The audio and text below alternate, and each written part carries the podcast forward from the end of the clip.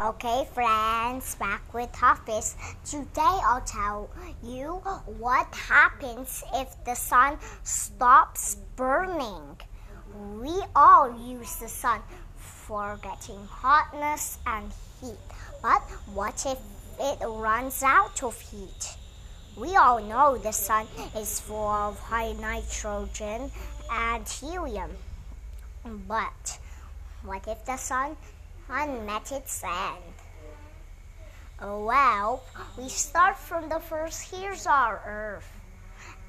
What if the sun goes away? It speeds up, up so fast out of the solar system. It the Earth passes Jupiter. Oh, have a good travel. Bye bye, Earth.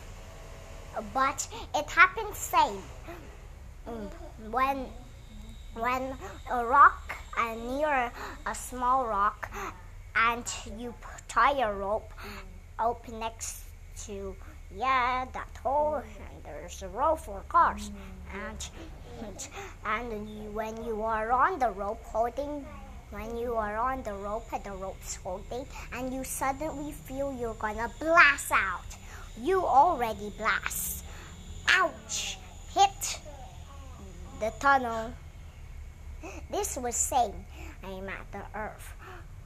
Bye bye, Earth. See you next time. And and and this and also oh, oh, oh, it's kind of works if the sun, sun goes out of, of of nitrogen.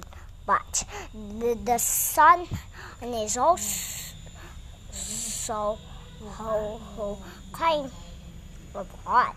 Yeah, you get melted, die. But thanks for listening. Don't forget to like and share.